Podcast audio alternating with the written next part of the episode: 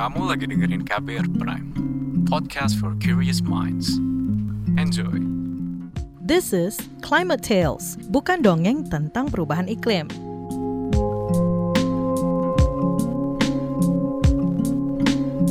Podcast ini kerja bareng KBR Prime dan Umah for Earth Greenpeace Indonesia.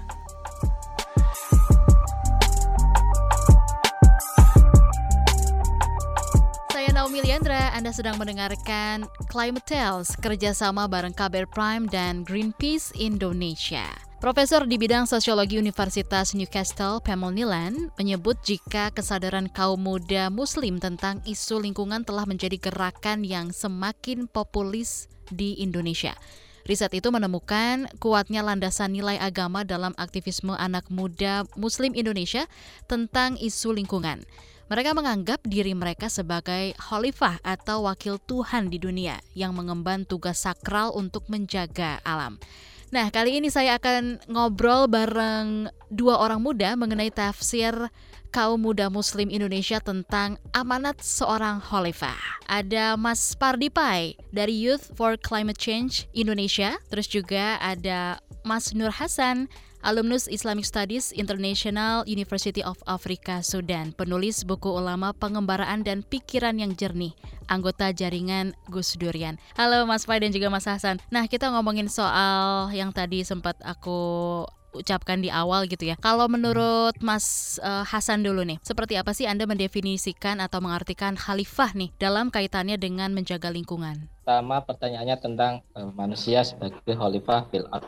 Ini memang sesuai dengan apa yang ada di Al-Qur'an yaitu surah Al-Baqarah ayat 30 yang bunyinya wa id qala rabbuka lil malaikati ja'al fil ardi khalifah qalu ataj'alu fiha ma yufsidu fiha wa yasfiku dima'a wa nahnu nusabbihu bihamdika wa nuqaddisu lak qala inni a'lamu ma la ta'lamun. Ayat ini menjelaskan tentang tugas manusia sebagai khalifah di bumi. Sayangnya, kata khalifah sering diartikan pemimpin. Pemimpin seringnya seolah-olah berlaku sebagai seorang raja, padahal pemimpin bukan seorang raja yang bisa semena-mena. Terus kaitannya dengan bagaimana tafsir khalifah fil terkait menjaga lingkungan ya. Tugas manusia di bumi ini kan eh, sebagai pemimpin. Pemimpin dalam artian diberi amanah untuk menjaga bumi, merawat bumi, melestarikan bumi. Dalam artian semua yang ada di bumi, bahkan semua yang ada di alam semesta ini. Kenapa manusia yang diberi tugas sebagai seorang pemimpin? Karena manusia berbeda dengan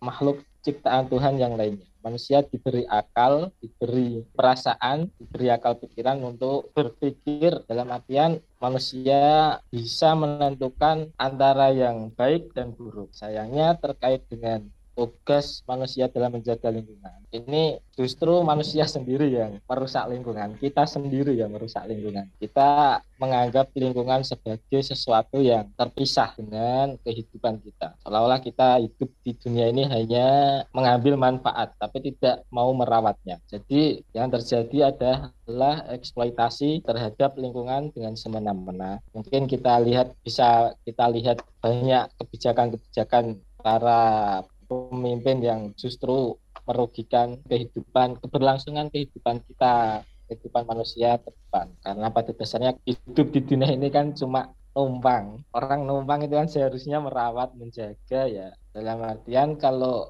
anak muda me mengklaim dirinya sebagai pemimpin sebagai khalifah seharusnya khalifah di bumi seharusnya jika dikaitkan dengan menjaga lingkungan ya seharusnya anak muda harus memakmurkan bumi. Memakmurkan bumi itu bukan hanya mengambil manfaatnya, tetapi juga menjaganya dan merawatnya. Bukan hanya menjaga saja. Menjaga saja tanpa merawatnya juga kurang. Karena kalau menjaga saja itu istilahnya cuma ditungguin, nggak diapa-apain. Yang penting tidak dirusak, tapi tidak dikembangkan atau dirawat menjadi lebih baik. Nah, kalau kemudian ya. nih Mas Pai, gerakan lingkungan anak muda dibilang makin populis di Indonesia, Anda sendiri melihatnya sebagai gerakan yang sedang tren semata atau bisa dibilang lebih dari itu nih Mas? Iya, saya melihat uh, kalau tren anak muda di Indonesia terkait dengan perubahan iklim gitu ya atau krisis iklim sekarang itu bukan hanya tren semata sih Mbak, tapi memang uh, mereka sadar dan bangkit akan yang mereka juga terdampak gitu akibatnya.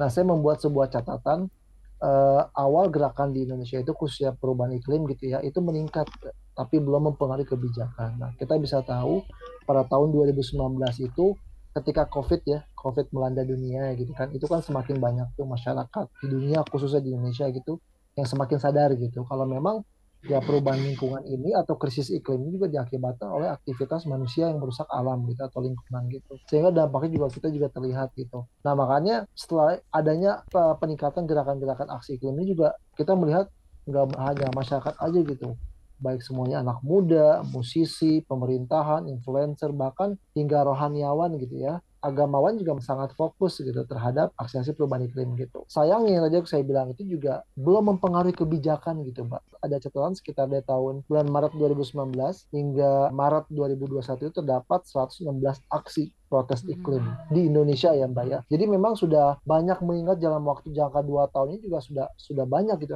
protes muncul gitu terkait dengan aksi perubahan iklim sehingga memang perlu adanya kolaborasi gitu. Sekarang kita semakin uh, lihat zamannya digital kita semakin banyak virtual gitu. Bahkan dengan gerakan-gerakan virtual ini semakin memudahkan kita juga untuk mempengaruhi aksi-aksi iklim di Indonesia khususnya di Indonesia. Nah kalau uh, Mas Pai sendiri ngelihatnya peran-peran apa sih yang bisa diambil sama anak muda gitu untuk menjaga lingkungan lingkungan, Mas? Semakin banyak uh, aktivitas-aktivitas atau aksi iklim seperti jeda iklim gitu kan, Extension Rebellion gitu yang sekarang tuh fokus Youth for Climate Change Indonesia juga yang fokus bagaimana sih kita menyadarkan masyarakat bahwa ya perubahan iklim ini, ini real gitu loh, bukan isu semata gitu kan. Dan memang dibutuhkan juga kebijakan-kebijakan yang uh, real dari masyarakat, khususnya di dari pemerintah ya, untuk bagaimana perubahan iklim bisa di, di, ditekan gitu kan. Dan saya melihat ya anak muda itu Indonesia harus menjadi subjek ya, bukan objek. Artinya mereka juga memiliki peran penting, mereka harus jadi aksi utama, peran utama, aktor utama gitu loh. Apalagi sekarang kita melihat zaman serba digital, kita bisa memanfaatkan media sosial, TikTok, Facebook, Facebook, Instagram, bagaimana sih kita mempengaruhi, menginfluence masyarakat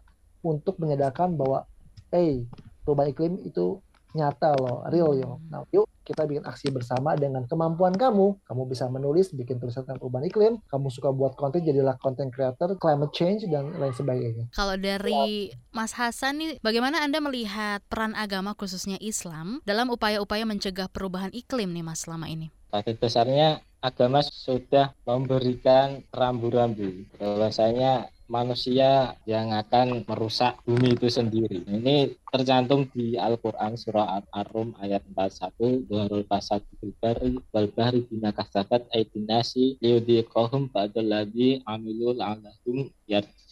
Telah tampak kerusakan di darat dan di laut disebabkan karena perbuatan tangan manusia. Supaya Allah merasakan kepada mereka sebagian dari akibat perbuatan mereka agar mereka kembali ke jalan yang benar. Agama pada dasarnya mempunyai peran penting terhadap pelestarian lingkungan karena manusia, alam, dan Tuhan itu tidak bisa terpisahkan. Jadi alam ini tajalli Tuhan, manifestasi atau cahaya Tuhan. Jadi kalau ingin melihat keindahan Tuhan atau kasih sayang Tuhan ya, kita melihat bagaimana Tuhan menciptakan alam, alam ini. semesta ini ya. Ya, alam semesta ini beserta beserta isinya. Bagaimana keindahan yang ada manusia manusia hidup itu tinggal menikmati fasilitas saja sih. Makanya tadi Mas uh, sempat bilang kita masih numpang sebenarnya gimana cara kita merawatnya ya.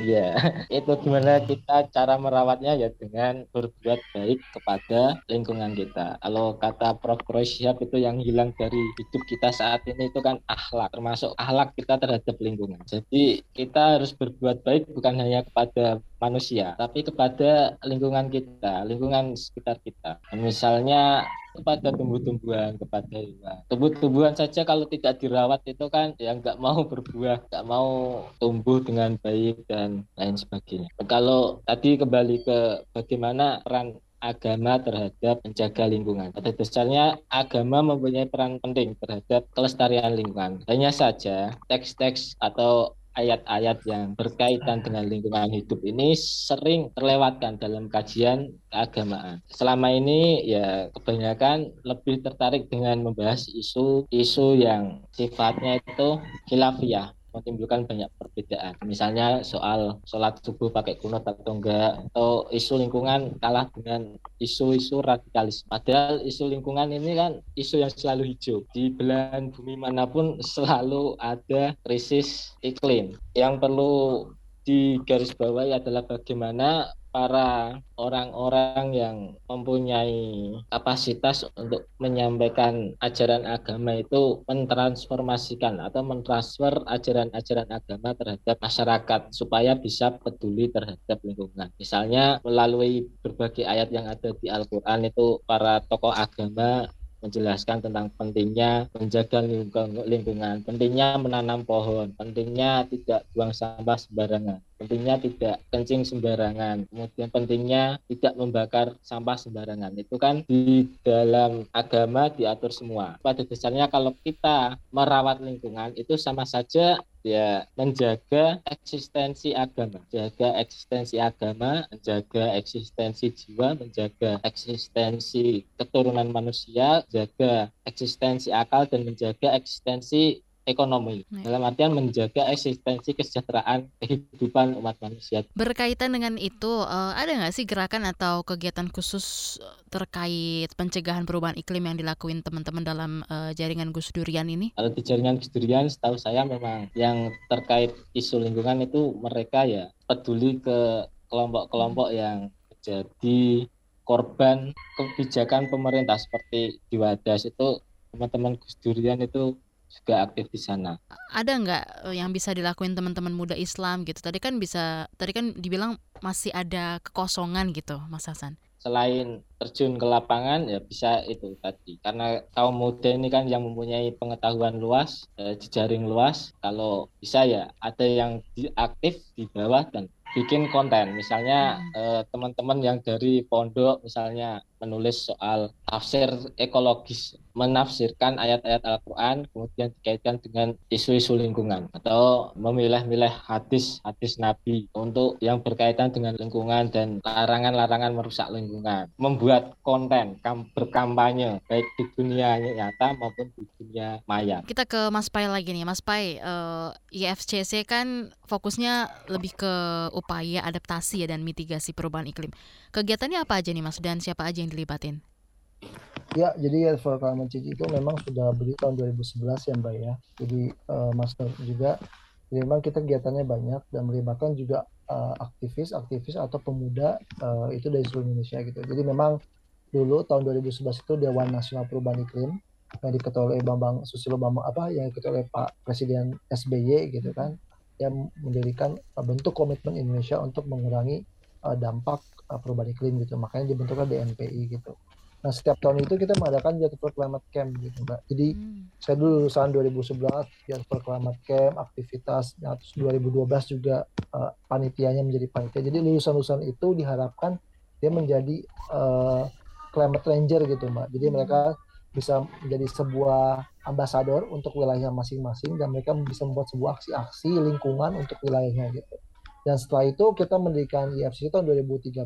Nah, itu dan memang kita ingin salah satu gerakan untuk meningkatkan komitmen anak muda khususnya ya untuk mengenai dampak perubahan iklim. Nah, kita banyak kegiatan yang kita seperti kegiatan uh, climate uh, talking gitu ya kita membicarakan perubahan iklim, juga climate goes to school gitu kan. Terus juga kita berjejaring dengan para akademisi juga waktu kita di ITB, di UGM, juga kita berkolaborasi juga di wilayah-wilayah uh, di mana pun di Indonesia gitu. Jadi memang kita kegiatannya banyak gitu. Nah untuk sekarang saya fokusnya di media uh, Forest Watch Indonesia Mbak. Jadi hmm. NGO yang fokus dalam penyediaan data kehutanan gitu. Dan memang kalau kita berbicara uh, krisis iklim itu kan hutan merupakan salah satu sektor yang penting gitu ya hmm. yang bisa uh, menyelamatkan bumi gitu dari krisis iklim gitu. Dan kita juga melihat uh, apa namanya kita melihat bahwa banyak konflik gitu di Indonesia karena adanya kekurangan data gitu kan. Jadi kalau teman-teman kalau misal meminta data terkait dengan alternatif kehutanan gitu agak sulit ya. Nah makanya kami dari Forest Watch Indonesia juga salah satunya menyediakan data juga bagaimana konflik uh, konflik kehutanan itu uh, bisa dikurangi seperti itu. Jadi hmm. kita juga um, berjejaring juga dengan anak muda dan sangat saya sesalkan juga sekarang kita bisa melihat ya bagaimana kebijakan atau orientasi dari pemerintah gitu. Nah kalau memang kita sekarang fokusnya, tadi saya bilang yeah aksi itu 2019 sudah banyak, Mbak. Maksudnya sudah semakin bermunculan. Hmm. Tapi tidak bisa mendorong kebijakan gitu loh. Kenapa? Nggak bisa mempengaruhi karena kita lihat sekarang misalnya uh, yang dekatnya adanya pembangunan ibu kota negara ya nggak sih? Okay. Nah, pembangunan ibu kota negara itu kan dia dengan luas sekitar 258 ribu hektar gitu kan di daerah uh, Kalimantan Timur itu apa namanya sangat mempengaruhi 10% hutannya tersisa gitu loh. Jadi bagaimana kita bisa melihat apalagi kalau teman-teman bisa melihat hasil kajian dari FAI juga memang banyak banget di sana tuh Kalimantan Timur tuh sudah banyak konflik di sana. Mm-hmm. Terus juga tumpang tindih gitu ya kebijakan di sana. Tapi kenapa dijadikan lokasi ibu kota negara gitu loh? Hmm itu kan uh, belum hutannya juga dibabat sehingga kan apa krisis iklim juga semakin meningkat gitu iya. karena kan semakin banyak itu yang uh, realitanya gitu kan hmm. dan bahkan ya kita juga mencederai komitmen Indonesia gitu kan hmm. dalam perjanjian Paris gimana kita mencegah suhu agar tidak lebih dari satu setengah derajat gitu mbak jadi memang okay. uh, salah satunya kita juga sekarang fokus ke mengakui pengakuan wilayah adat di Kepulauan Aru juga, terus juga penyelamatan hutan juga di ibu kota negara di Kalimantan. Kalau Mas Pai sendiri nih melihat pendekatan agama khususnya Islam ini perlu diamplifikasi nggak sih Mas? Oh sangat perlu Mbak, karena aku melihat sekarang ya, aku pribadi gitu melihat agama itu pasti mengajarkan semuanya ke kebaikan ya, yep. apalagi fokus untuk menjaga lingkungan.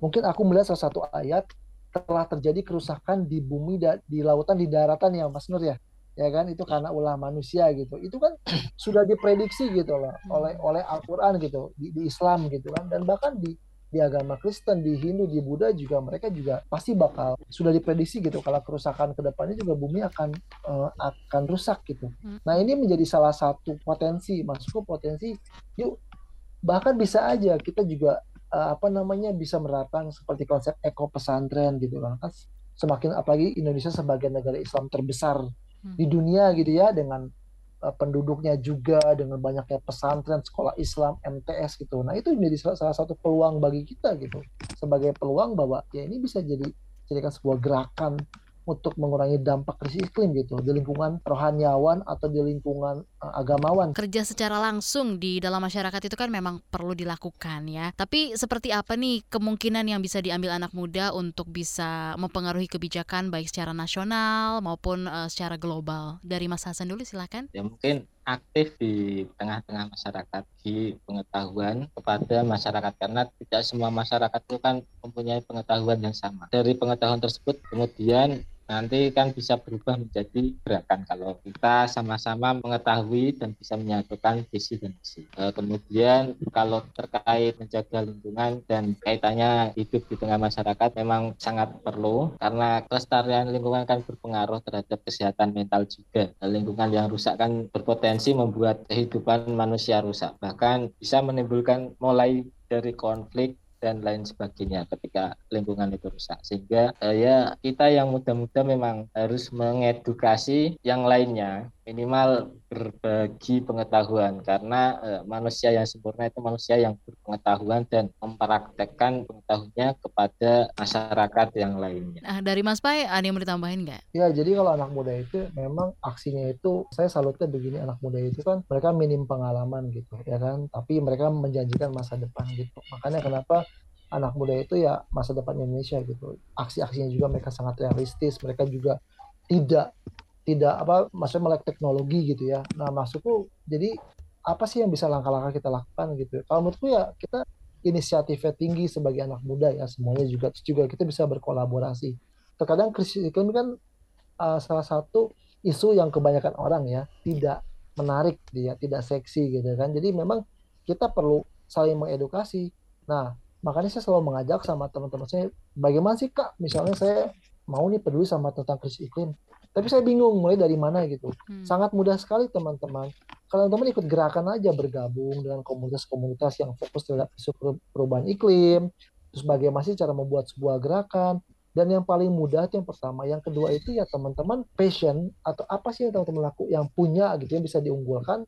Nah, jadikan sebuah gerakan. Contoh misalnya, ketika saya orangnya misalnya suka cuap-cuap gitu ya Mbak ya, ya, ya saya mengedukasi tentang perubahan iklim, tentang uh, penyelamatan hutan di apa di Kalimantan Timur bisa tentang pembangunan IKN juga bagaimana sih ternyata pembangunan IKN ini contoh saya bikin uh, konten dengan teman-teman FPI juga mereka juga uh, lahan apa ibu kota negara juga tumpang tindih, saling bertindihan juga, terus juga masyarakat adat di sana tersisihkan, terus juga ada pesut mahakam, pendugong yang terancam begitu.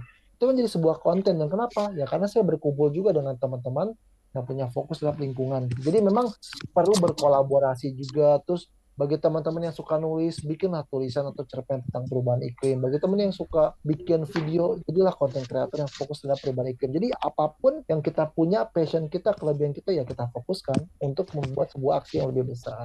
Mas Hasan, saya sempat baca ya tulisan Anda tentang sedekah gitu, yang memang sebenarnya nggak cuma perkara materi aja, tapi juga menjaga lingkungan. Sedekah itu memang oleh kebanyakan orang itu dianggap apa ya, kerap digunakan sebagai istilah untuk harta benda yang dikeluarkan orang dengan tujuan untuk mendekatkan diri kepada Allah Subhanahu wa taala. Sedekah ada yang wajib, ada yang sunnah.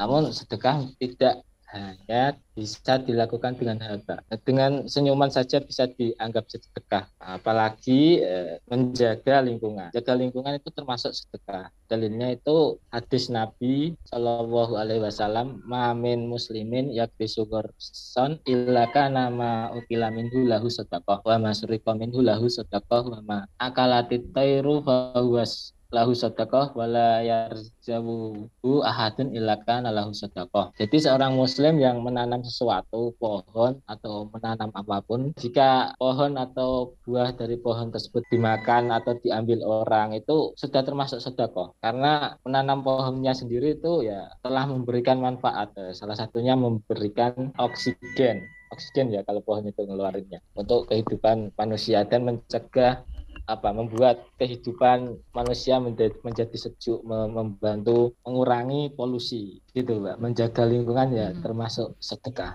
hmm. intinya yang perbuatan yang baik-baik itu bisa dianggap sebagai sebuah sedekah dan tidak harus dengan sedekah tidak harus dengan uang. Hmm. Masalahnya orang lebih tertarik menggunakan uang karena lebih instan, lebih cepat. Apalagi kalau di zaman sekarang itu pengennya viral, pengennya viral, oh, okay. pengennya viral. Jadi, nggak sedekah dong mas, kalau pengen niatannya viral.